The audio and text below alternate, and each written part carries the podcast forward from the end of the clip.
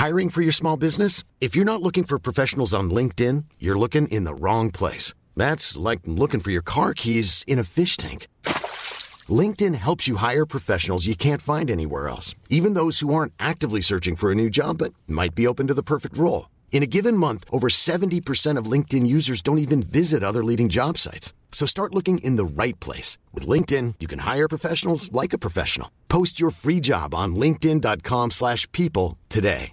You should celebrate yourself every day, but some days you should celebrate with jewelry. Whether you want to commemorate an unforgettable moment or just bring some added sparkle to your collection, Blue Nile can offer you expert guidance and a wide assortment of jewelry of the highest quality at the best price. Go to BlueNile.com today and experience the ease and convenience of shopping Blue Nile, the original online jeweler since 1999. That's BlueNile.com. BlueNile.com. Mom deserves the best, and there's no better place to shop for Mother's Day than Whole Foods Market. They're your destination for unbeatable savings, from premium gifts to show-stopping flowers and irresistible desserts. Start by saving 33% with Prime on all body care and candles. Then get a 15-stem bunch of tulips for just $9.99 each with Prime. Round out Mom's menu with festive rosé, irresistible berry chantilly cake, and more special treats. Come celebrate Mother's Day at Whole Foods Market.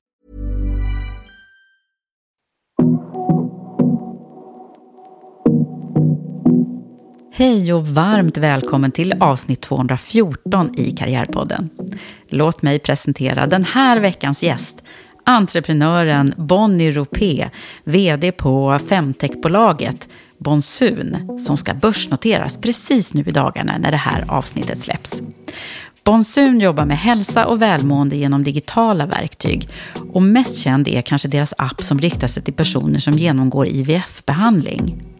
Nu blir Bonnie börsens första femtech-vd och det ska vi såklart prata om. Och vi ska också prata om resan dit, som gick från att starta en golftidning riktad mot kvinnor till hur hon redan 2014 tog sitt pick och pack och flyttade till Kina för att lansera sin första app, en gravidapp på den kinesiska marknaden. Det här är framförallt ett samtal om livet som entreprenör och om stress och press och välmående och vad Bonnie kallar för a functioning workaholic. Vill du veta vad det betyder så fortsätt att lyssna nu och följ med oss och lär känna en väldigt spännande person. Jag som programleder heter Eva Ekedal.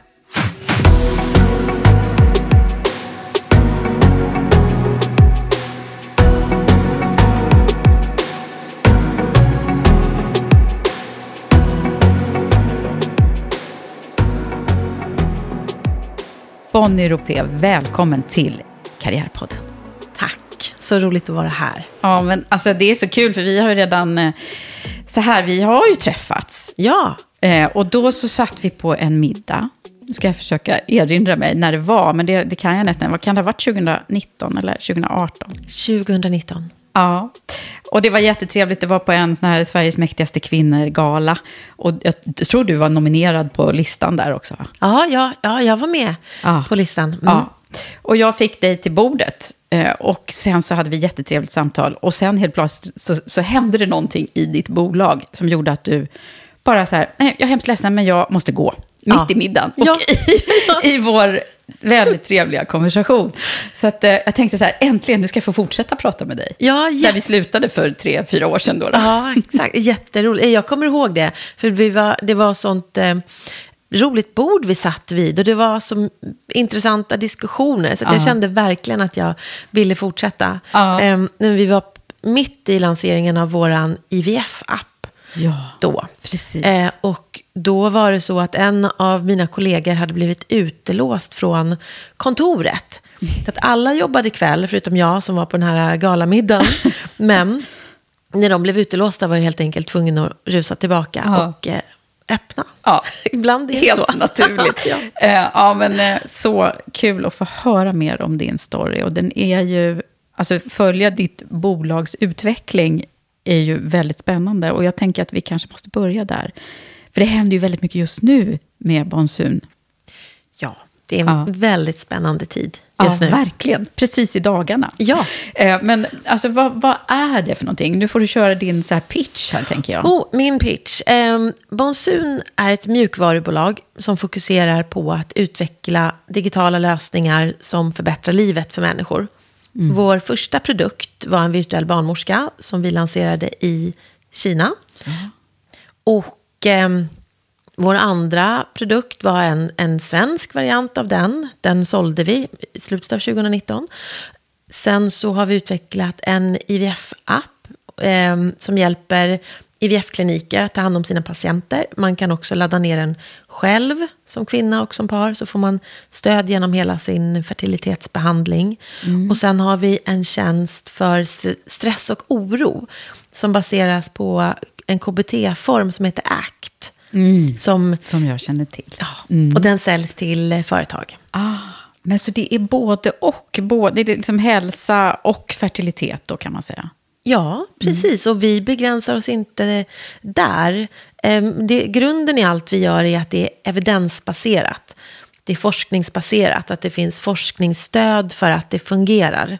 Ehm, nu är det vitt sprätt med fake news, men när jag startade det här så såg jag att internet är fullt av saker som inte stämmer. Och det finns inget sökfilter på, jag vill bara veta vad som är fakta. Mm, precis. Men liksom lite tolkat fakta, för man kanske inte vill eh, skaffa ett konto på PubMed och läsa forskningsrapporter. Men hur gör vi forskning lättillgängligt för allmänheten? Så det är gemensamt för allt vi gör. Och då blir man ju nyfiken att höra hur, hur började det här då för dig? För det är många år sedan som du drog igång nu. Ja, men det började med att eh, jag fick havandeskapsförgiftning under min graviditet och förstod inte att jag var sjuk. Därför att jag googlade på symptomen som jag upplevde dem. Inte den medicinska termen på symptomen. Eh, och jag googlade inte på min diagnos, för jag visste ju inte att jag hade en diagnos. Nej. Så det var där det, den här idén föddes. Om, när jag sen fick reda på att det jag hade var väldigt allvarligt. För att jag valde att helt enkelt vara hemma. Och tänkte att nej, men det Det här är löser nog sig. ingenting. Ja. Ehm, livet ska vara så här jobbigt, ungefär så. Sen av en slump fick jag reda på att det var havandeskapsförgiftning. Och sen eftersom jag bor i Sverige så får man ju hjälp snabbt. Ehm, Ja, mödravården och, och så. Ja, jag, när jag Ja. åkte in akut och Det sen var- satte de igång akut. förlossningen. Och, Ja. ehm, botningen på havandeskapsförgiftningen är ju att man föder barnet. Mm. Och ehm, nej, men det var så det började. Och Ja. sen så gick jag till Karolinska, gick till Mödravårdsförbundet, jag gick till ehm, ja, de som utbildar barnmorskorna, pratade med forskare. Och sen så hittade jag en modell för att göra det svenska mödravårdssystemet digitalt. Och det lanserade jag sen i Kina. Ja, men alltså, det här måste vi ju prata om. Hur kommer det sig? Du liksom tog det som vi på något sätt eh, ja, fick i oss, inte då icke-digitalt när, när vi gick till mödravården, och gjorde det digitalt och lanserade Kina just. Ja, precis. Och det är väl någon eh, störning jag har där kanske.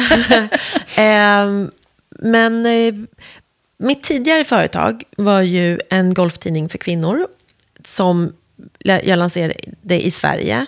Och ehm, det gjorde jag ungefär samtidigt som Skype och de här digitala bolagen eh, bara skalar upp över hela världen. Mitt under it-boomen alltså. Ja, eller F, ja, men efter IT-kraschen skulle jag nog säga. Ah, okej. 2004 startade Ja, den. ja. Ehm, men jag kommer egentligen från internet och digitalt. Så jag jobbar mycket med det på slutet av 90-talet. Mm. Ehm, men golftidningen fungerade egentligen bara i Sverige. För att det är så mycket kvinnliga golfare här.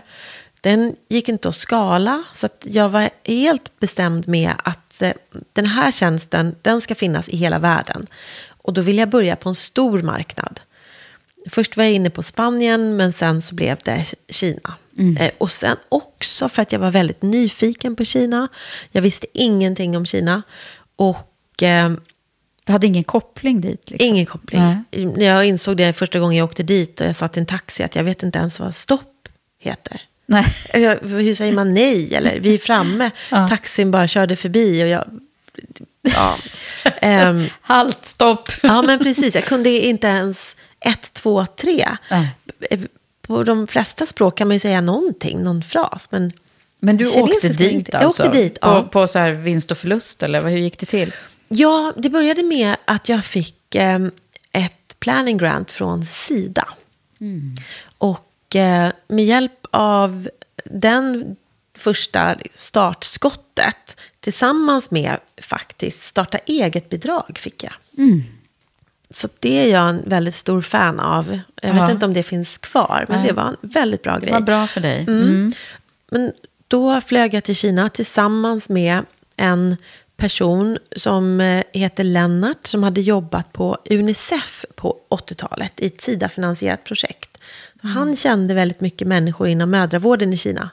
Så att, eh, Lennart och hans fru Karina följde med och eh, presenterade mig för den kinesiska mödravården där jag fick möjlighet att bara pitcha min idé och säga det här tänkte jag göra, tycker ni att det här verkar en bra grej? Ja. Och det tyckte de alla att det här är precis vad vi behöver.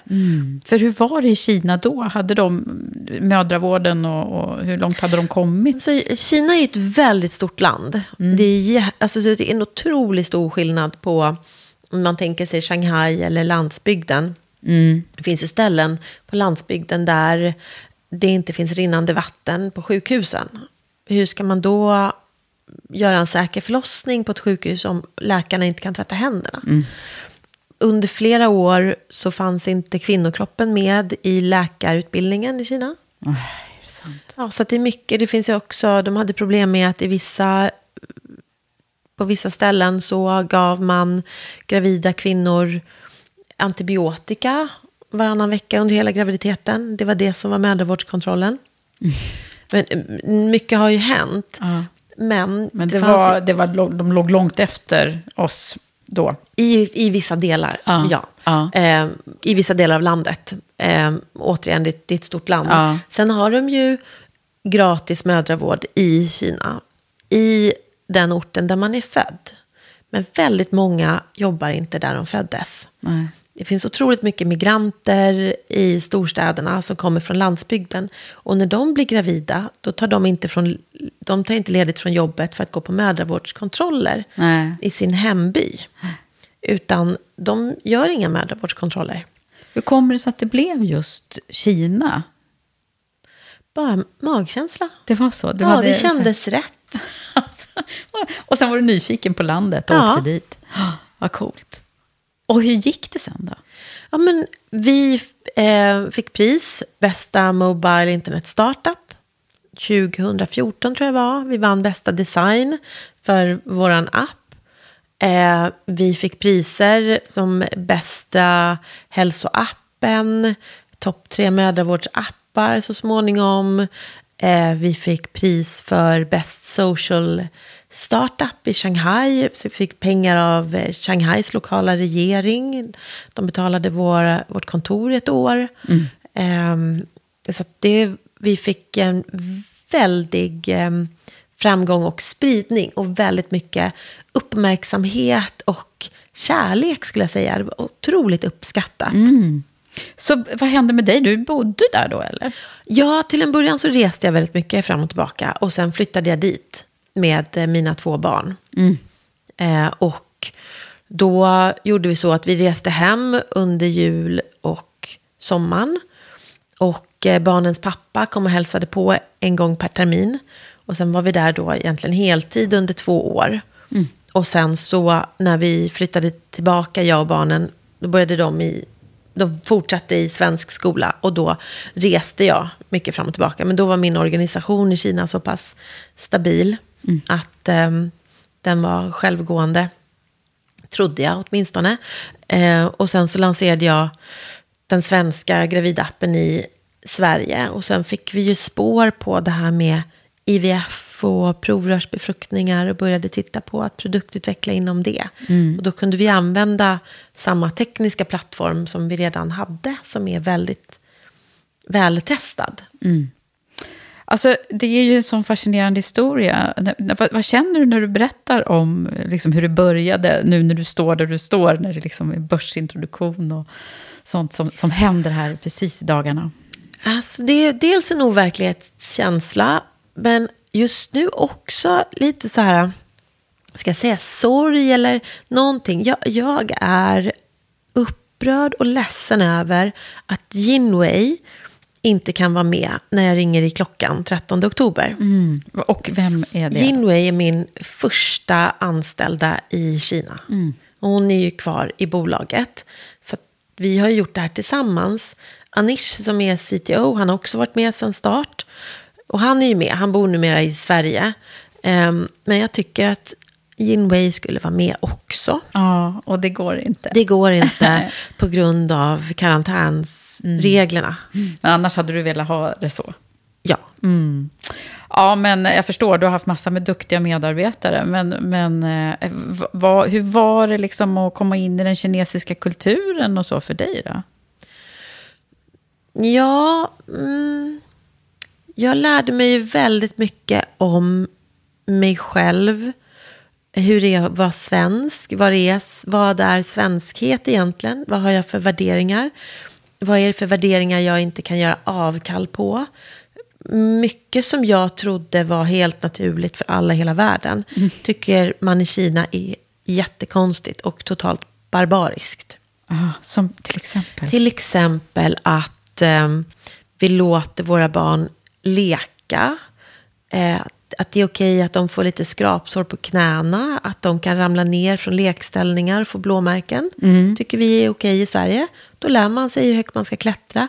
Vi är ju där och tittar, nu säger jag vi, men eh, Ja, men jag kan säga vi, för jag har varit i så många svenska lekparker. Svenska ja. föräldrar.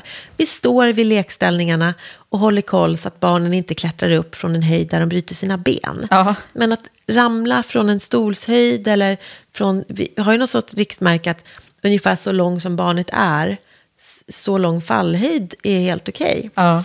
I Kina vill man ju helst inte att barn ska leka på det sättet. Utan det bästa och säkraste är att sitta kanske framför tvn. Aha, eller sitta de håller på en stol. mycket mer liksom, eh, kontroll på sina barn. Ja, alltså. och sen det här med kreativitet som är viktigt för oss. Mm. Mina barn kom hem från sin kinesiska skola med jättefina teckningar. Så tänker jag, ja det här var lite avancerat eller annorlunda stil. Och sen när jag skulle hämta dem, kom lite tidigare någon dag, då ser jag hur läraren står och pekar hur de ska rita och vilka färger. Alla barnen ritade exakt samma sak. Och det ser man också i kinesiska parker, hur de färglägger. Och då finns det schema för vilka färger man ska använda. Mm. Och när jag kom dit med mina barn till de här parkerna, då blev det ofta liksom en halvcirkel av människor som samlades runt mina barn. Och var helt häpna över vad mina barn målade. Därför att de valde egna färger. Oh, och det är lite speciellt när man inser att vuxna blir förundrade över barn som målar med egna ju, färger. Det liksom dämpa kreativiteten Ja, något, något enormt. så otroligt. Mm. Okej, okay, så det var massor med sådana här aha-upplevelser som, som du naturligtvis fick. Hur många år blev det i Kina? Eh, totalt fyra mm. år. Och, eh, och jag är väldigt ödmjuk inför invandrare som kommer till Sverige. Mm. För jag vet hur det är att stå i en matbutik och inte veta, är det här mjöl eller blekmedel jag har i handen? Mm. Eh, och så är man frustrerad för man ska hem och laga mat till sina barn. Och när jag flyttade till Kina, det här var ju innan det fanns de här översättningsapparna. Det var ju väldigt tidigt, så att jag hade inte den hjälpen alls. Um, hade du läst kinesiska? Eller? Nej, nej, nej, inte alls. Um, det är klart, jag förstår att det är en jätteskillnad att fly till ett land eller att flytta till ett land för att starta ett företag. Mm. Så jag var, åkte dit och var helt otraumatiserad. Men det jag menar är att, att vara som en outsider i samhället, mm. inte kunna läsa vägskyltar, inte förstå informationen man får från, från skolan, inte kunna hjälpa mina barn med läxorna. Mm. Det här. Massa svårigheter som man måste ta sig igenom på något sätt. Ja, ja mm. precis. Mm. Men, och sen så hittade jag ju så småningom min plats i Kina. Mm. Eh, och hittade svenska vänner. Så det förstår jag också varför man gör som invandrare. Kanske omge sig med människor från samma kultur. Ja, för man Det- behöver känna den här samhörigheten Ja, men och, och vila lite. Att omge mig med människor som också tyckte att det var okej att jag ger mina barn sockerfri yoghurt. Ja. ja, ja, jag fattar. Men du, eh, alltså jag blir ju så nyfiken på hur, hur, hur du är så här formad eh, och bara kom på de här sakerna som ju är helt fantastiska. Och då, då måste vi backa klockan helt enkelt. Okej. Vi, gör, vi gör ett hopp till vem Bonnie är från allra första början. Ja, hur långt tillbaka ska vi hoppa? Ja, men vi, kan vi inte hoppa till från, var är du ifrån? Och, och, Ja, wow, den frågan, var är jag ifrån? Alltså jag är ju en blandras. Jag har flyttat runt väldigt, väldigt mycket. Så jag brukar eh, välja delar av det beroende på vem jag pratar med och hur jag vill positionera mig. ah, okej, vad Så spännande. jag Vad, kan- vad vill du välja idag? Ja, men precis. Ska vi vara ärliga här? Det Eh, brukar vi ju vara här i Karriärpodden. Precis. Nej, men jag har alltid bott eh, i Stockholm.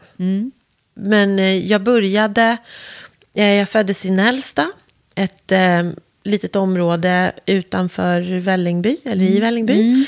Eh, och när jag var ett år flyttade vi till Värmdö. Så jag i mitt hjärta och själ är ju en skärgårdsunge.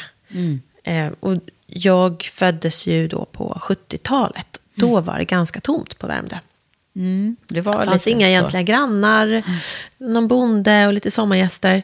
Eh, Så att jag är uppvuxen på båt och eh, vatten och, och så. Och sen så skilde sig mina föräldrar när jag var sex år. Och, ehm, så att jag är också då uppvuxen med en mamma som vid skilsmässan får för sig att hon ska plugga juridik. Eh, ensamstående med tre barn. Så vi flyttade då in till min mormor och morfars garage. Om, ombyggt garage, så att det var tapeter och det fanns Ja. sängar. Så att, ja. Eh, så Du har jag- inte jag- stampat jordgolv liksom? Nej, inte stamp. Nej. Och jag är uppvuxen med jättemycket kärlek. Däremot hade jag inga leksaker. Eh, och inga pry, alltså materiellt väldigt torftigt hela, hela, hela skolåren. Eh, och eh, ville inte heller vara till besvär för att min mamma hade ju väldigt mycket att göra. Bara förstå plugga juridik som eh, 20-åring är ju tufft nog. Men då Ja. att ha tre barn, varav då mellanbarnet har autistisk syndrom. Och ehm, Och vad är du i skaran? jag är inte mellanbarn. Nej, Eh, det förstår jag. eh, jag är yngst. Du är yngst. Mm.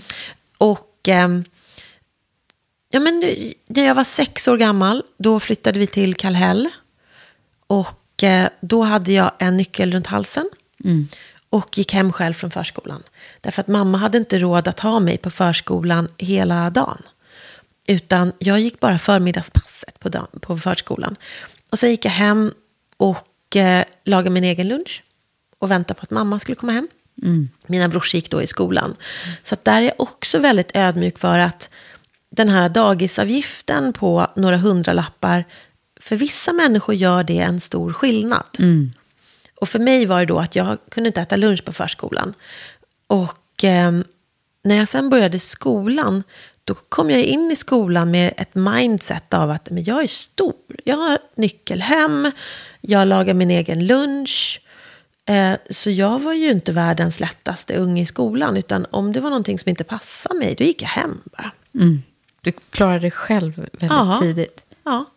Vad har det här, alltså när du tittar på det här, vad, vad är det som eh, du tror är de viktigaste aspekterna att, som har präglat dig till att du har blivit den du är? Ja, alltså en sak är ju då det här att inte vara till besvär och att inte be om hjälp. Det är ju någonting som jag nu, 45 år gammal, har spenderat här, 10 år i terapi att försöka Ja. komma över. Nu är jag på en plats i livet där jag kan be om hjälp.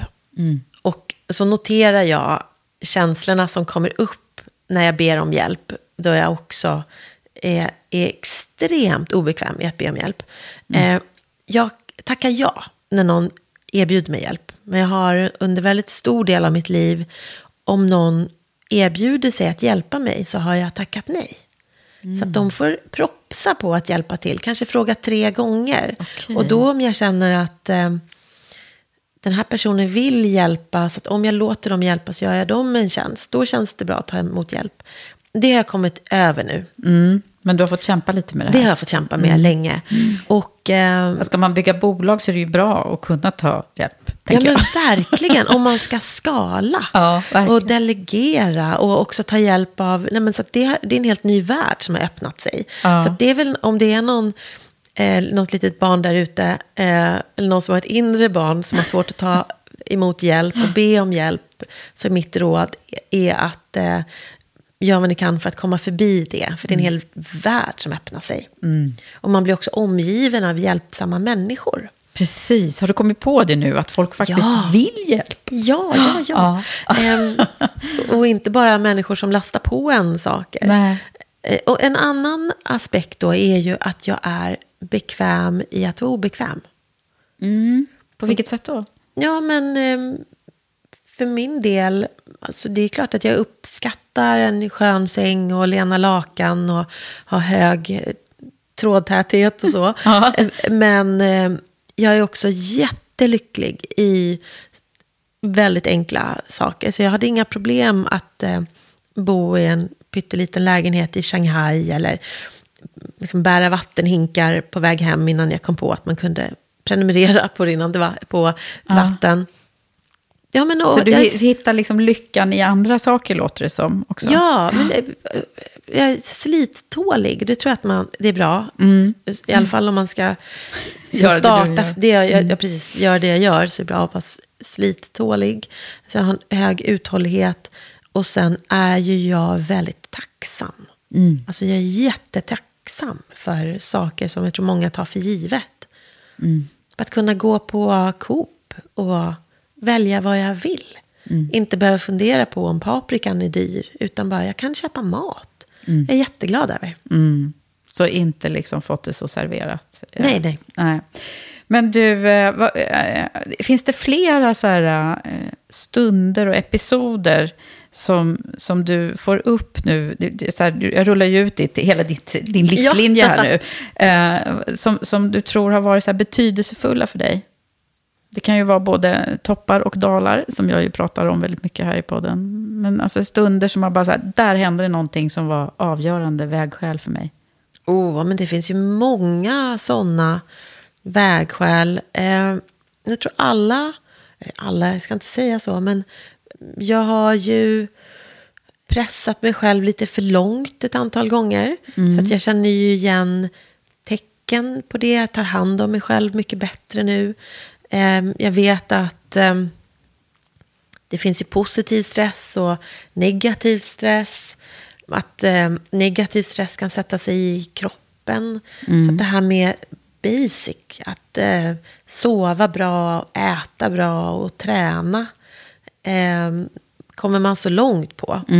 Och sen också, alltså om man jobbar för hårt och inte tar hand om sig under väldigt, väldigt lång tid, så kan den stressen också sätta sig rent mentalt. Att man blir väldigt ledsen. Alltså rent så här... ehm, jag drabbades ju av en lättare utmattningsdepression till exempel. Och då, det som är lite intressant när sånt händer är att när jag hade det, då upplevde jag att hela livet var mörkt och på ett visst sätt. Alltså, man börjar blanda ihop sig själv med omgivningen. Men egentligen är det ju bara kroppen som är väldigt trött och ledsen och behöver vila. Ja. Var det något särskilt som hade hänt eller var det under längre tid som du hade kört på för hårt? Jag hade eller? kört på för hårt under längre tid. Ehm, och det tror jag, det är någonting som väldigt många entreprenörer drabbas av. Jag ler här och räcker upp handen. Ja. Att det kan hända. Ja, men precis. Och också um, någonting... Jag hörde att eh, självmord är överrepresenterat hos entreprenörer. Och det tycker jag är lite intressant och någonting man ska prata om. För väldigt många just entreprenörer har en väldig glädje och drivkraft. Och den här inre motorn kan göra att man kör slut helt på sig själv. Så att jag började ju fantisera om eh, eh, ja, men jag hade riktigt, riktigt mörka tankar. Och det som räddar mig är att i grunden så vill ju jag leva. Så att jag har ju... Mm, en livsglädje. Ja, men jag funderade också, så här, vad är det egentligen jag vill? Vad är det jag är ute efter? Och det är ju att få vila. Liksom. Att få Men- vila. Ja, och vad är det som gör att man inte låter sig själv vila?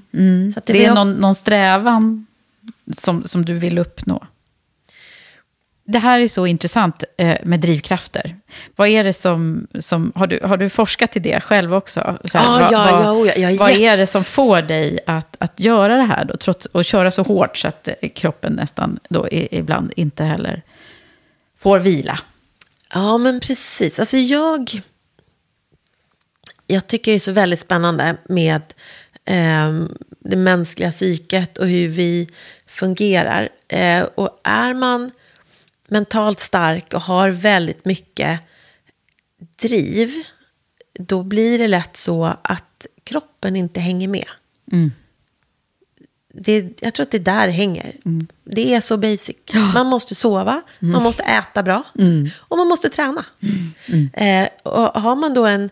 För jag älskar min hjärna jättemycket. Eh, och eh, den har så storslagna idéer. Ja, den verkar ha Ja, det. Och sen ja. har jag en kropp då som måste genomföra det här som då min hjärna får för sig att jag ska göra. Och det, nu pratar jag inte bara bolag, utan det är möblera om. Det är eh, flytta på saker, bygga. Alltså, jag är väldigt, jag möblerar om alltså, oproportionerligt ofta. Gör du det? Ja. Ja. Eh, och jag försöker låta bli att möblera om. Men, jag, Men det är, det hela är någon drivkraft i, det- även i detta, låter det Sitta, som. Ja, Ja. jag kan sitta hemma och sen så bara plötsligt inse, nej, undrar om vi inte bara ska byta plats på de här två rummen. Och sen så börjar jag göra det, för att det är en sån bra idé. Ja. Och mitt i när jag står där och ska baxa den här äh, sängen mellan två rum och allting, så Mm. bara, vad håller jag på med? Nu måste jag slutföra det här. Kunde jag inte bara låta det vara ett litet tag? Ja, du, det, är bara, det är någon sån här eh, automatisk eh, grej hos dig förmodligen då, låter det som. Ja. Ja. Och, och så att jag försöker nu, efter, eftersom man då har en hjärna eh, som ger mitt framtida jag en massa uppgifter och läxor. Så nu ser jag det som att jag också måste ge mitt framtida jag lite gåvor och presenter. Det låter som du har, du har fått reflektera över det här en hel del. Ja, gud ja. Ja, ja, ja. Ja, men alltså att bygga ett bolag så som, så som det ser ut nu, det, det förstår man ju. Du, du, har, du har jobbat en hel del eh, under de här tio åren är det då, eller? Ja, jag är ju vad jag själv kallar functioning workaholic. Ja. Eh, och jo, jag måste också vara tydlig. När jag säger att jag ger mitt framtida jag en massa presenter, då menar jag då inte köpa prylar. Nej, nej. Nej Bara det, jag förstod det. Du förstod det. Bra. Jag hoppas alla lyssnare förstod det. Så att, eh, ja. För att få saker kan ju också vara en läxa. Ja. Att, någonting man ska ta hand om. Men nu pratar jag om så här, ta vitaminer, åka Ja. på spa, vila. Ja, Så. gåva till dig själv. Functioning workaholic, så som jag ser, det är som jag har insett. Och jag insåg, eh, det här begreppet functioning workaholic, det myntade jag nu i augusti när jag var på Wildernessfestivalen i Cotswold. Okej. Helt underbar Vad festival. är detta för något? Nej, men det var en dansfestival mitt i covid. Eh, England hade precis släppt på sin karantän, släppt på restriktionerna. Man fick dansa efter två år av att inte dansa. Aha. Och jag har en väninna eh, som bor i Cotswolds som jag har saknat och inte träffat på jättelänge. Och jag hade inte tagit någon semester under hela sommaren. Bara jobbat i princip nonstop hela sommaren på grund av att vi börsnoterar. Men då hade vi lämnat in alla papper till Nasdaq och det här var en period av väntan. Så jag tyckte att nu kan jag ta torsdag, fredag, lörd, eh, torsdag, fredag ledigt. Och var då? Två dagar ledigt. Precis, jag räknade som fyra dagar eftersom jag också tog helgen. Men jag insåg att man ska vara ledig på helgen. Ja. Ehm, och det försöker jag vara, ska jag också bara säga. Men när jag var i Cotswold, jag hade jätteroligt. Eh, dansa hela tiden. Men jag saknade mitt jobb. Jag saknade min personal. Jag, så himla konstigt. Och jag bara... Alla var med på att jag var där, så att de skulle inte störa mig. Ehm, Och eh, när jag var inne på Slack så skrev Josefin, bort från Slack Bonnie, du ska vara ledig nu. Okej, okej, okay, jag ska inte vara online här. Eh, och sen var det några saker som jag ändå tänkte, jag höll på att förhandla med lite kontrakt och höll på att deala. Och så står jag där utanför de här festivaltälten andra dansar. Och så står jag mm. utanför och håller på och dealar med mina grejer. För jag kan inte låta bli. Som en total missbrukare. Men så det tänker jag också på, men vad är missbruk och vad är riskbruk? Och, nej, så det tänker jag, functioning workaholic, det är ett bra namn, tänker jag. Ja, men det var ju verkligen. Men vad hände? Du, for, du gjorde det du skulle göra där, eller? Nej, men jag hade jätteroligt. Jag dansade ja. och jag jobbade och lite. Och du jobbade lite. Och jag jobbade lite. Och Smygjobba lite, som jag brukar säga. Smygjobba mm. lite. Mm. Och, eh, men för mig, det är inte helt avkopplande att ha att ta helt ledigt. Nej. Nej. Däremot så var jag ju nu på eh, någon form av silent retreat. Eh, mm. då tog jag en fredag ledig. Så fredag, lördag, söndag. Kunde du koppla bort då, då helt och hållet? Ja, det kunde jag. Ah. Då, kunde men då, för, då var man ju också tvungen. Ja. Mm. ja men inga precis. mobiler eller inga tv? Mobiler, eller ingen några... tv, inga böcker, inga distraktioner. Och då är man ju bara ensam med sig själv och mm. kunde vara i nuet. Och... Vad hände med dig då? då? Nej, men jag känner mig väldigt balanserad. Det här är då som en av mina presenter till mitt framtida jag. Mm. För jag tänkte nämligen, nu Bonnie ska du åka på silent retreat, ta hand om dig, det var detox, bra mat. Eh, och jag ville göra det för att mitt framtida jag, alltså Bonnie som ska leverera mm. hösten 2021, hon ska ha varit på ett silent retreat ja. och ha laddat batterierna innan. Så det är någonting som jag har lärt mig av att leva med mig själv nu i 45 år är att vara lite förutseende och lägga in sådana här små vila här och där mm. för att förebygga det, eh, för att det inte ska... Liksom gå i spinn när det väl händer saker, ja, vilket det ju gör nu då, verkligen.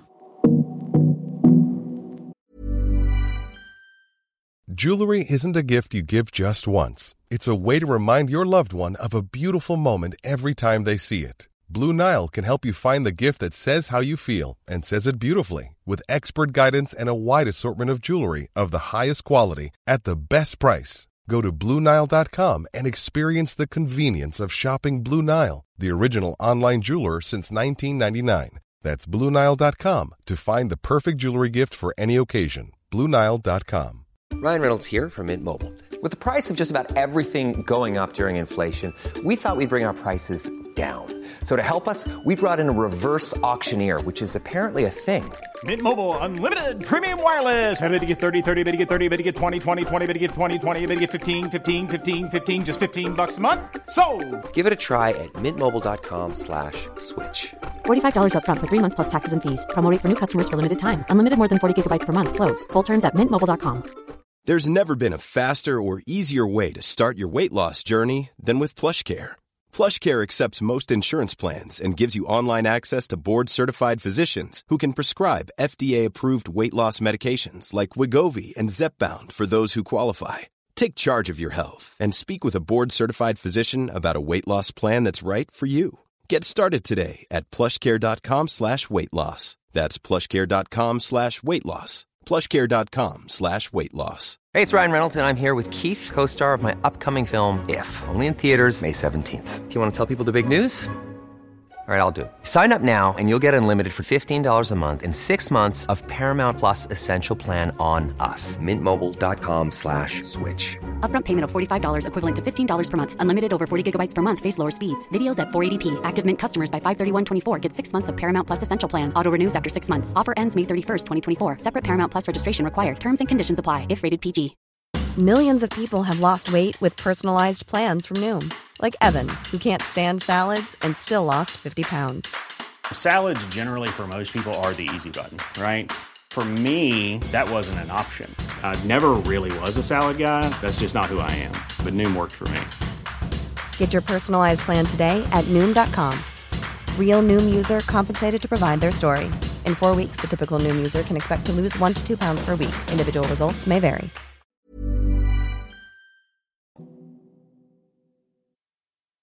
Du, det finns några till saker i din bakgrund som har fascinerat mig när jag, när jag började läsa på om dig. Bland annat, eh, ja, vi, ska vi ta det här med, med tidningen? Och, och kvinnor och golf var. Kvinnor och golf. Kvinnor och golf, det kan vi ta. Ehm, så, det här var då med, efter IT-kraschen.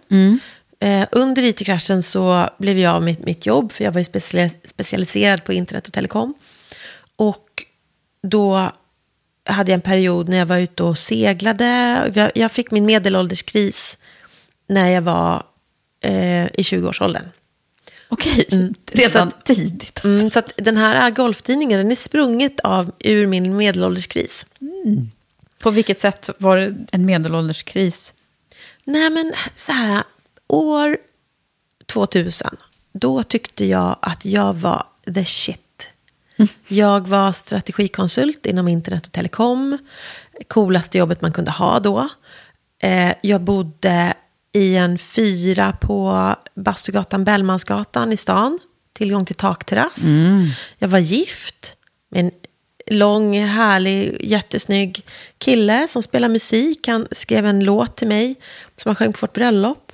Allting var bara var perfekt. perfekt. Och ja, jag var high on life. Sen då kommer IT-kraschen och jag blir av med jobbet samma vecka som jag och min man tar av oss ringarna och kommer på att vi ska vara vänner och inte gifta. Och vi är vänner än idag. Eh, underbar människa. Eh, men det är väl ett tips till alla där ute att man inte ska gifta sig när man är i 20-årsåldern, för man vet inte vem man är då. Jag visste inte vem jag är, jag kanske ska prata för mig själv istället. Ehm, men så då, det gjorde att eh, jag ehm, hoppade på en segelbåt och seglade runt Grönland och till Kanada och USA. Så över Atlanten. Ja, och, bara, och jag ville komma bort från Stockholm. Jag ville komma bort från alla jag kände, alla som visste vem jag hade varit. Jag ville inte möta folks blick och den här, åh, hur mår du? Nej, nej. Utan jag ville bara skaka loss från allt det. Och att, men, för det var sån eh, så här, kris, hela egot bara rasar ihop i någon sorts... Att vara frånskild och arbetslös från att ha varit the shit. Ja, det var en, en, en, ett pladask där liksom. Ja, ja, jag behövde Ja. hantera det. Men du seglar över, hur gick det här till då? Var det något Jo, men stort jag fartyg? mejlade en person som jag hade läst skulle göra en eh, världsomsegling. Så jag mejlade honom på fredagen. Hej, jag heter Bonnie. Jag är inte så bra på att segla, men jag är positiv och har mycket energi. Eh, vill du ha hjälp? Så du, hade du seglat Jag överhuvudtaget? hade gått en seglingskurs på fyra dagar. Okej. Mm. Ja. Mm. Och jag har ju bott i skärgården så jag tänkte, äh, men vatten kan jag. Eh, eh, jag är inte rädd för vatten. Mm, Men jag är ju en motorbåtsunge. Så eh, det här med se- segling var nytt. Nu är jag ju grym på att segla. Ja. Eh, i den typen av seglatser. Jag kan hantera en stor båt i storm. Utan problem. Eh, jag skulle nog kanske inte våga segla i skärgården. Det, det, eller jag skulle inte kunna tävlingssegla. Det finns ju många olika typer av segling. Men, Ja. men, men, inte ehm, kappsegla på det sättet? Eller? Nej, det är en helt annan... Ja. eh, Alltså när man seglar över Atlanten, Mm. eh, då har man ju samma segel i Ja. fyra timmar. Just det. Och det finns inga kobbar och skär och, och Nej, navigera och kring. ingen trafik. Nej, precis. Ehm, men, men- du, vad hände där då? Vad- eh, På den här långa seglatsen som det var då? Eh, Vad hände med dig då? då? Men jag kom ju fram till eh, att jag är Bonnie. Jag är skottsäker. Mm. Alltså mitt inre jag är ju, jag är ju den jag är. Och allt det här runt omkring, det är bara snömos. Mm. Vad jag jobbar med, var jag bor någonstans, vad jag har på mig, vad jag har för prylar, vad jag sitter i för stol. Mm. Jag är ju den jag är. Så du liksom någonstans fann dig själv där eh, på segelbåten? Ja, och Ja. också att jag kände mig ett med jorden, med naturen på något sätt. Att så här, se månen gå upp över en horisont som är 360 grader. Att eh, kunna läsa vinden på vågorna och att kunna styra båten. det är lite självledarskap i det här också. Eller hur? Ja, alltså att, ja. att både hitta sitt in, sin inre kompass och att kunna manage, managera eh, både sig själv och en båt då i det här fallet. Men, Ja, men verkligen. Och Ja. ha tilltro. mm. Vad spännande. Och hur ledde det här sen till golf... Eh, Ja, idén då? precis. Förlåt, nu fick jag ett, lång, ett långt stickspår Ja, men det var, här. jag ville veta om seglatsen, så det, det Ja, var bra. eh, jo, sen då kände jag väl efter ett tag att det var kanske dags att stadga mig lite. Så jag var tillbaka i Stockholm efter en av de här seglatserna. Och eh, jag sitter på Sturehof med en väninna och så ser vi en skylt där det står Sturehofs golfvänner. Och så tittar vi på den och bara, det är bara män i den här golfklubben. Och bara, ja, börjar vi prata om hur gubbig golfen är och ja, det finns ju ingenting att läsa, säger min väninna. Och så bara började vi skämta om vi kanske ska starta ett, ett golfmagasin för kvinnor. Och då, det här var ju 2004, då hade tidningen Mama precis kommit ut som var det första nischade kvinnomagasinet. Innan så var ju kvinnomagasin var väldigt breda. Så vi tyckte att det vore väldigt roligt också att synliggöra den medelålders Men golfande spelade du golf kvinnan. själv då, eller? Eh, nej, lite grann. Jag hade tagit ett grönt kort. Eh, så det vill jag väl inte säga. Jag fick ju lära mig spela golf väldigt, väldigt fort. Eh, så det, det tror jag också var en fördel, att jag var inte så insnöad i hur man brukar göra eller vad som är viktigt, utan jag kunde ju ta ett helt utifrån perspektiv. Så att, eh, den här tidningen, jag är jättestolt över den. Eh, och att vi fick ju ett genomslag. Eh, de som hade gol- tillverkade golfutrustning var ju tvungna att göra annonser för kvinnor nu när det fanns en, en tidning. Eh, när vi, de första annonsörerna som vi, eller den första tidningen, då var det ju herrklubbor. För att de hade inte bilder på sina damklubbor. Så de fick ju köpa annonser i vår tidning med herrklubbor. Men gud, Men alltså, sen det låter ju som det är 1800-talet istället. Ja, ja. Och så att... ehm, Ja, det- så du var det lite revolutionär där eh, i, i golfbranschen också, Ja. kan man säga. Och sen är du i, i eh, app och den digitala världen och eh, gör goda saker här nu, kan man ju säga. Mm. Eh, och det är ju mycket spännande som händer. Ska vi prata lite om den här omvända börsintroduktionen också kort? Bara berätta, vad, vad, hur går det till det här? Ja, det jag gör nu, det är en... Nu börsnoterar vi Bonsun genom ett omvänt förvärv. Vi har då köpt upp ett företag som heter Pappily. Pappily är de som har utvecklat den här äh, tjänsten för eh, stress. Eh, hur man lär sig hantera sin stress. Eh, och det är en produkt som vi på Bonsun älskar, tycker att den är jättebra. Vi vill, ville väldigt gärna ha den i vår familj och paketera den och ge den den uppmärksamhet den kräver. Ehm, så vi köper upp Pappely, men eftersom Pappely ligger på börsen så vill vi ju ha deras organisationsnummer. Då gör man en apportemission där Pappely emitterar mer aktier än vad de har. Så att ägandet tippar över. Ah. Så, och så byter vi namn på Pappely till Bonsun. Och det gjorde Ah. vi igår. Ah, men gud, Mm. vilken häftig grej. Och då blir det också ett större bolag då förstås med de här sammanslagningen. Ja, det blir ett större Så bolag hur- med mer Hur, produkter. hur stort är det nu då? Ja, det här är intressant. Hur mäter man storlek Ja, jag på tänkte jag ett säger så, så får du välja själv hur du vill. För det är, ja, väldigt många vill ha det kvantifierat. Så. Hur många anställda finns det? Hur stor omsättning är det? Det finns så många olika sätt att Mm. Ja, mäta och hur, saker. hur finns Ja. det många länder? Och, Ja, liksom, mm. precis. Vi är eh, numera 14 anställda. Eh, vi har kvar en och en halv från Pappely. De var inte så många anställda. Men däremot har de väldigt många samarbetspartners. Eh, coacher och psykologer Mm. Det. som använder det här som jag borde hänga med. programmet. Mm. Ja, du borde hänga, hänga med oss. Ehm, och sen, så det här, alltså Bonsun, vi är 14 personer varav 10 är programmerare. Så det Så är ju vi skriver kod hela dagarna. Och det här är ju någonting som är väldigt härligt med digitala produkter. Är att man behöver inte vara en jättestor skara människor. Nej, för att nå ut väldigt brett. Mm. Och vi säljer i 95 länder. Ja. 95 länder? 95 länder. Hur, hur har du liksom fått den spridningen? Ja, men till att börja med så har jag lärt mig ett och annat om vad som är skalbart. Och det är det den virtuella barnmorskan har hjälpt till med. Mm. Bara känslan att kunna se hur en kvinna i Mexiko, en kvinna i Afghanistan, en kvinna i Kina och en kvinna i Australien gör samma sak i appen. Mm. Därför att de har troligtvis samma personligheter, är i samma eh, trimester och bara inse hur lika vi människor är. Mm. Oavsett var vi bor. Ja, mm. och också efter min tid i Kina så har jag också insett vad är det som är, vad är, det som är olika. Vad skiljer sig en kultur åt? Och hur kan man ta bort sånt från appen? Mm. Hur kan man ta bort sånt från en digital lösning?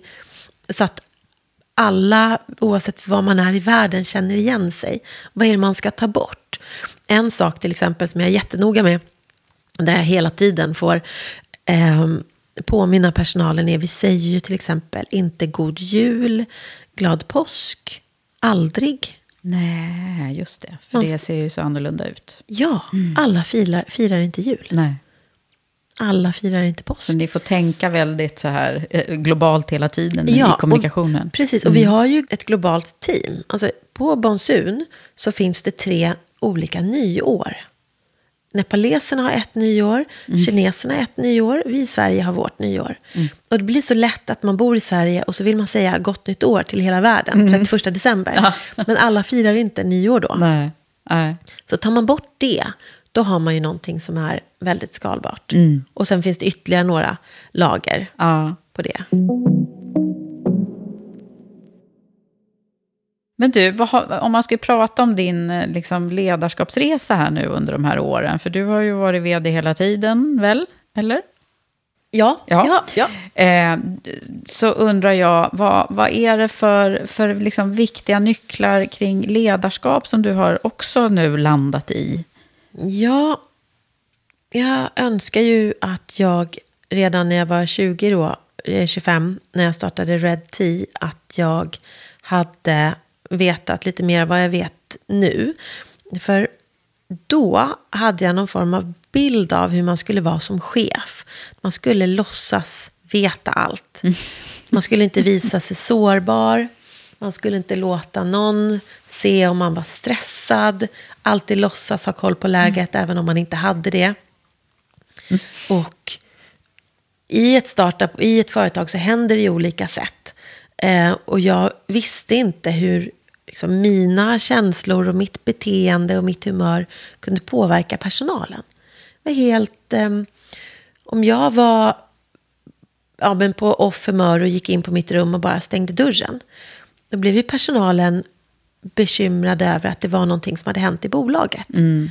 Och om det hade hänt någonting i bolaget som personalen visste om, att här, nu ser det dåligt ut här, eh, och jag kommer in och låtsas som ingenting, då blir de också ganska o... Det blir liksom inget, inget bra. Nej, så att... Så att nu, och jag säger inte att det här är så man ska göra, men det här, så här är så jag gör. Att jag berättar ju allt för min personal.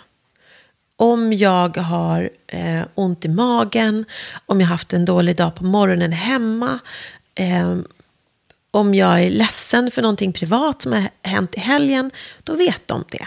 Mm. De vet mer om mig än liksom egentligen någon annan. Jag håller mitt team väldigt, väldigt, väldigt nära. Mm. Eh, är det någonting som är problem på jobbet så vet de också det. Och om jag är osäker på någonting eller känner mig omotiverad så säger jag det. Mm.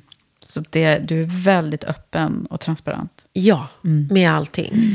Och, eh, och det är till och med så att om jag känner mig off och är trött och på dåligt humör, då kan jag säga så här, hörni, vet ni vad, nu, nu går jag hem.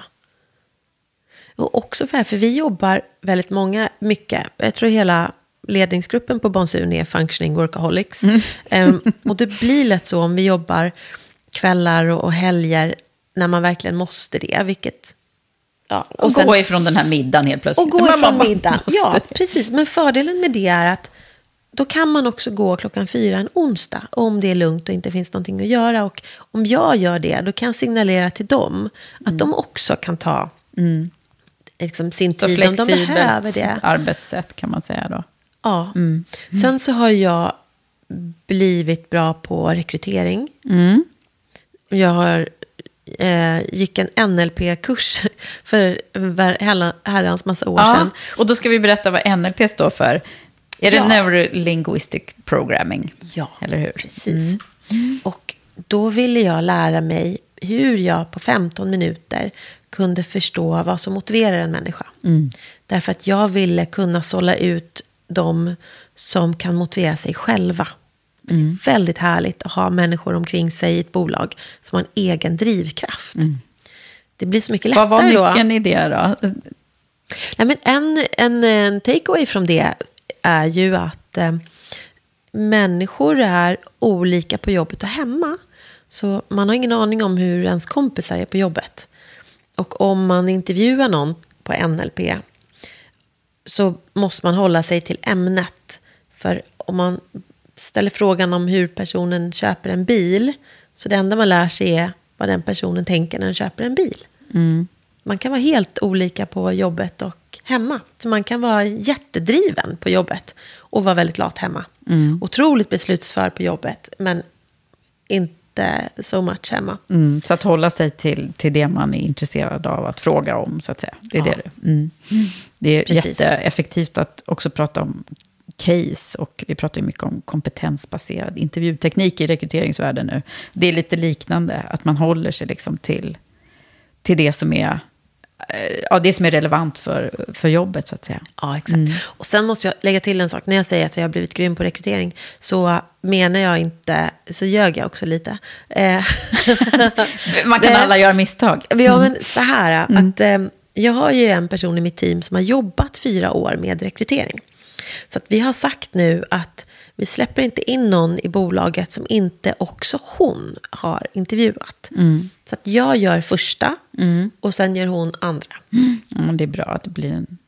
Det blir också en form av kulturbarometer i det där, eller hur? Att man liksom känner efter att det, blir, att det blir rätt. Man behöver inte älska varandra allihopa, men man måste ändå bottna i lite samma värderingar och sånt där, eller hur? Ja, precis. Men jag vet ju att jag kan gärna anställa folk för att de är härliga människor och smarta. Men nu när man växer och skalar, då behövs det liksom ett, ytterligare ett lager på det. Ja, ja. Och ska du nu växa ännu mera? Kommer det bli så nu automatiskt när man går till börsen? Ja, Ja. så vi har ju inte börsnoterat för att ligga stilla Nej, där. exakt. Nu kommer det hända Det ännu mer grejer. Vi börsnoteras och sen så ligger vi där och puttrar. Nej, nej, Ja. nej, nej. Nu är det världsdominans. Och vad innebär det? Att ni kommer att applicera ännu fler områden till det här liksom hälsa och kvinnors hälsa? Eller? Det vi ser framför oss är ju att skala upp rejält de produkter vi har.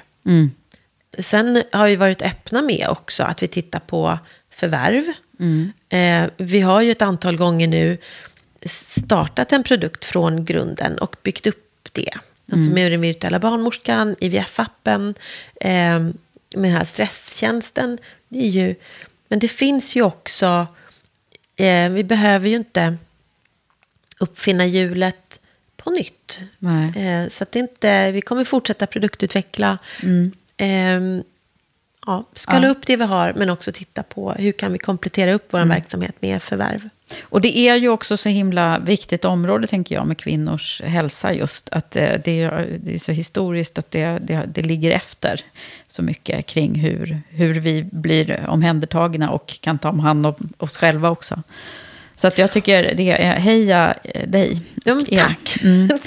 Men du, jag är också väldigt nyfiken på innan vi, innan vi börjar summera. Vad är det för eh, så här, skicka med grejer som att bygga bolag på det här sättet som du har gjort framgångsrikt? Vad har, vad har varit liksom de viktigaste parametrarna i det? Jag, jag tror ju att det är en sån klyscha att säga att man gör det, att man ska jobba med det man brinner för. Men det är ett, det är ett ganska hårt jobb att bygga ett företag från noll. Att ta någonting som inte finns och sen skapa det och bygga det. Och så särskilt när man gör det. När vi startade då pratade man inte ens om digital hälsa. Folk trodde att jag var knäpp. Ehm, så att, att det är så många man behöver utbilda. Man, måste, man ska utbilda kunderna i produkten man har, för den finns inte. Marknaden, investerarna.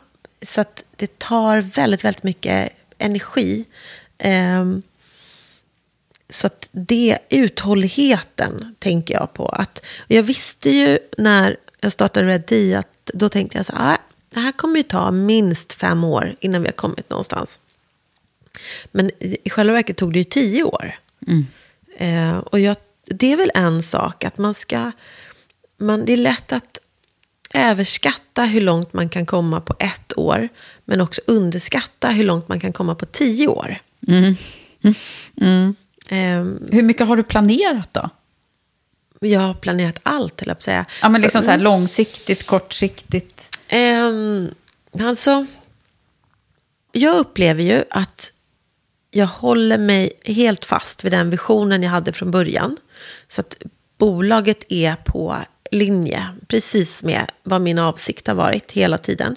Ehm, sen har ju vägen dit ibland varit lite krokig. Så vilka länder man lanserar i, vad som fungerar och inte.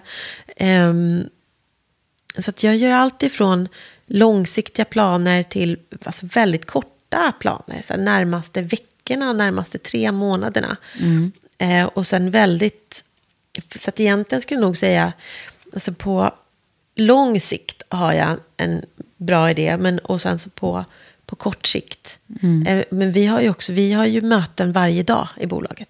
Varje morgon har vi möten allihopa. Daily stand-up.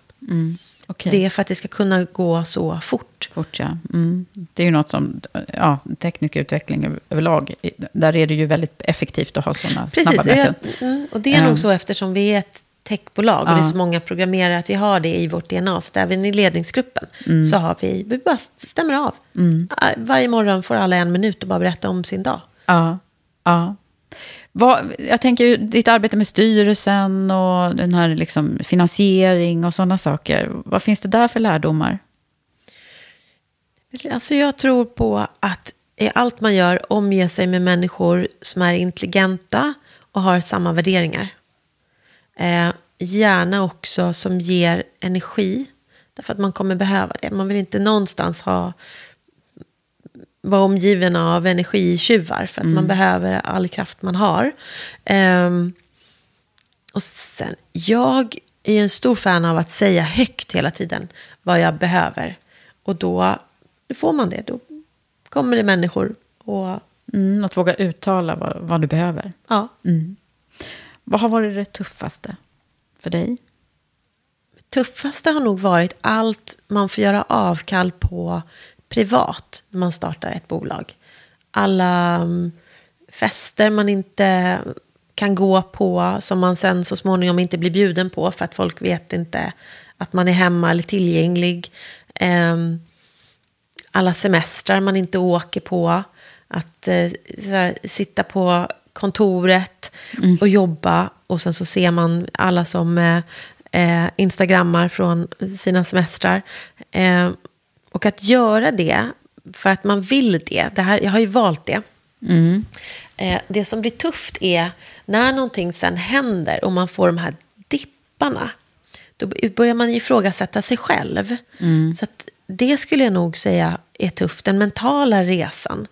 Jag har börjat lyssna mycket på en kvinna som heter Marissa Peer. Och hon pratar ju om att man ska göra sin hjärna till sin partner. Så att det här med att ta hand om hur man tänker och vad man säger till sig själv. Alltså den egna inre rösten. Den, det tror jag är, är nyckeln. Mm. Och det har du fått, fått jobba en hel del med, att hitta den här inre rösten då. Ja, alltså precis. Alltså, ehm, den har ju alltid funnits där, men man har ju så många inre röster. Mm. det är väl det. Det är det som är så jobbigt. Nu ska du jobba på. Nej, det ska du inte alls det. ja, eller hur? Ja, men det där... Ja, jag brukar ju prata om... Jag är ju psykosyntesterapeut. Jag vet inte hur mycket... Nej, men jag älskar psykosyntes. Ja, vad bra. Mm. För där pratar vi mycket om delpersonligheter och de, den inre rösten, rösterna och hur de ofta eh, har ett kakafoni eh, och inte pratar en i taget. Nej, men exakt. Och det mm. var ju faktiskt psykosyntes som hjälpte mig ur min utmattningsdepression.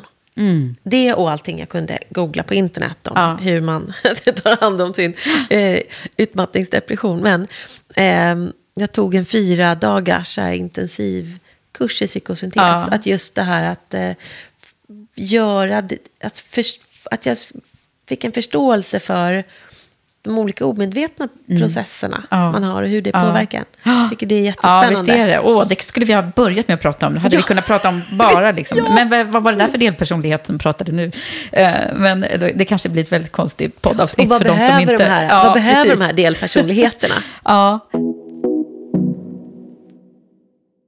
Ja, men så intressant att höra dig eh, prata, både om, om dig själv och, och, och ditt bolagsbyggande. Och det jag är så här, eh, sitter med en, en, en så här eh, bubblig fråga, det är ju, vad, vad är det som får dig att bli, vara den här som jobbar på det sättet som du gör så intensivt, för jag känner igen det delvis själv, att vara entreprenör, det är, det är ju någonting som vi som väljer att vara entreprenörer, vi har ju det här på något sätt i oss. Men det är lite fascinerande, mm. vad är det som får oss att ändå välja då att, som du beskrev här nu, stå utanför den roliga dansgrejen och ändå liksom... Har du, har du kommit på vad det är?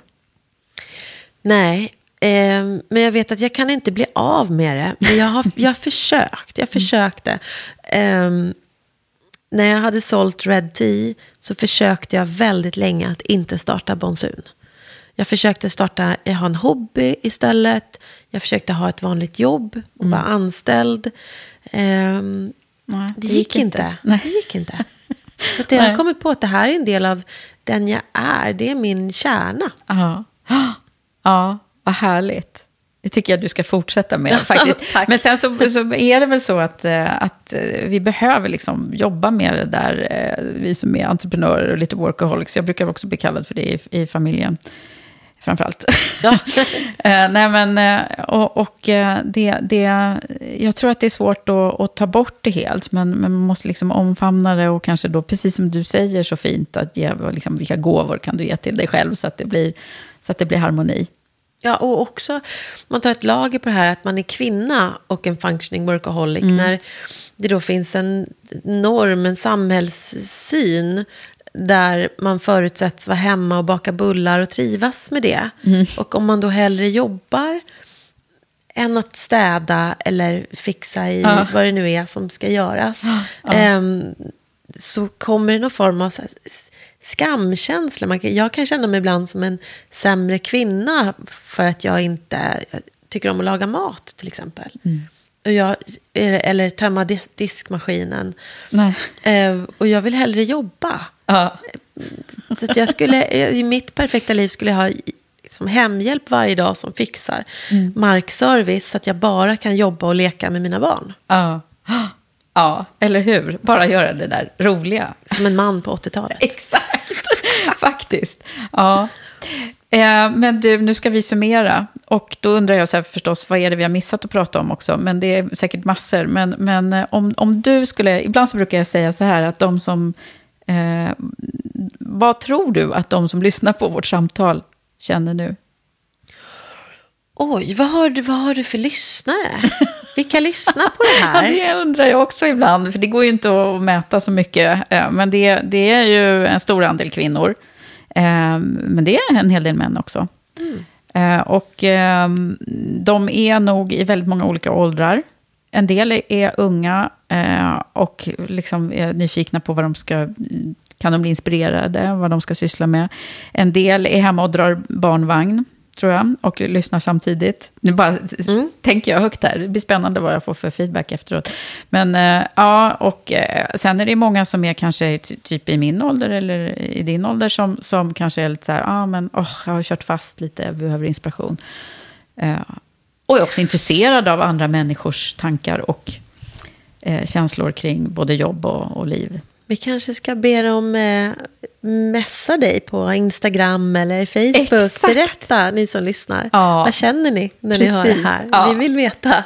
Absolut, det tycker jag vi gör. Det uppmanar vi till. Har du någon Facebook, Instagram-sida? Absolut, det har vi. Många olika kanaler, både mm. Women for Leaders och Karriärpodden. Vi pratar ju om podden i, i båda de kanalerna. Finns både på Instagram och Facebook och LinkedIn är vi stora också. Mm.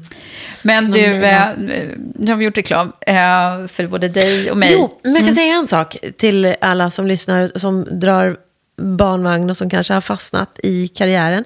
Det ena är, jag fick ju den här idén när jag rullade vagn med Charlie. Mm. Det var då. Så att den här tiden som man, de här pauserna man får i livet, ja. eller när man kör fast. Det, finns en, det finns ett frö där. Också när man känner att man har kört fast, det är någonting bra i det. Där kan man hitta ny riktning. Mm. Också, jag tror, om man känner sig underskattad och så på jobbet så är det en väldigt bra idé att starta sitt eget jobb. Mm. Att jag kunde göra mig själv till vd för ett förlag när jag var 20-årsåldern. Eller nu har jag rekryterat mig själv som börs-vd. Mm. För, att, för att det, är mitt... det verkar kul. ja, det verkar kul. um, för att det är mitt bolag. Det är också uh, någonting som är väldigt härligt med att vara just entreprenör. Ja, verkligen. Och det ligger så mycket i det där liksom, när man skjuter ut sig, antingen medvetet eller eh, blir utskjuten. så att säga. Uh, jag berättade ju för dig innan att när jag blev när jag var allvarligt sjuk, det var då jag kom på de här grejerna. Så att, eh, och det kan ju komma just det här perspektivförflyttningen när man, när man just får ett avbrott i det som bara snurrar runt ja, hela tiden. Ja, precis. Ja, bra där. Har du något sista så medskick som du vill avsluta med? Ja, men jag tänker det kan ju vara mitt medskick. Eh, ska jag ha något mer? Nej, men... Eh, men mitt sista medskick, det är, för det är ju universellt till alla, till alla att eh, jag tror inte man ska underskatta kraften i att vara sig själv. Alltså att vara sig själv bara brutalt in your face mm. rakt igenom till alla. Därför det är jättebra filter för de som inte passar omkring och det gör människor i omgivningen väldigt trygg med vem man är och var man står. Mm. Så, Så var autentisk. Ja. Mm. Det har du varit nu. Tack snälla Bonnie för att du har varit här hos mig. Tack, det var jättetrevligt. Mm, tack. Hoppas att du gillade det här avsnittet. Stort tack till dig som har lyssnat på mig och min gäst Bonnie Ropé. Och om du gillade det här avsnittet och det vi gör i Karriärpodden och Women for Leaders får du gärna kommentera och gå in och stjärnmarkera i iTunes och gärna dela avsnittet. Det hjälper oss och hjälper fler att hitta till podden. Jag vill också slå ett extra slag för EQ Executive Search, searchbolaget som rekryterar moderna ledare till ledningsgrupper och styrelser med ledorden EQ och Equality. EQ Executive Search har en helt ny metod för att hjälpa våra kunder att vara proaktiva i sin successionsplanering och ligga steget före för att lösa framtida rekryteringsbehov. Gå in och läs mer om oss och vår metod ProSearch på EQ Executive Search. Det var allt från Karriärpodden den här gången. Jag heter Eva Ekedal. Vi hörs snart igen.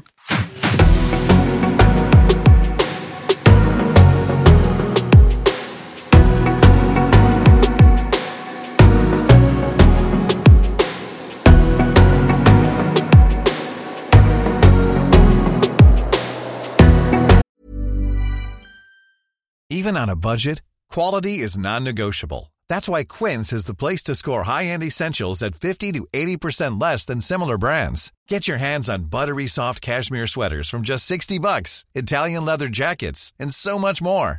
And the best part about Quince, they exclusively partner with factories committed to safe, ethical, and responsible manufacturing. Elevate your style without the elevated price tag with Quince. Go to quince.com slash upgrade for free shipping and 365-day returns. Hi, I'm Daniel, founder of Pretty Litter. Cats and cat owners deserve better than any old-fashioned litter. That's why I teamed up with scientists and veterinarians to create Pretty Litter. Its innovative crystal formula has superior odor control and weighs up to 80% less than clay litter. Pretty Litter even monitors health by changing colors to help detect early signs of potential illness. It's the world's smartest kitty litter. Go to prettylitter.com and use code ACAST for 20% off your first order and a free cat toy. Terms and conditions apply. See site for details. Mom deserves the best, and there's no better place to shop for Mother's Day than Whole Foods Market. They're your destination for unbeatable savings, from premium gifts to show-stopping flowers and irresistible desserts. Start by saving 33% with Prime on all body care and candles. Then get a 15-stem bunch of tulips for just $9.99 each with Prime. Round out Mom's menu with festive rosé, irresistible berry chantilly cake, and more special treats. Come celebrate Mother's Day at Whole Foods Market.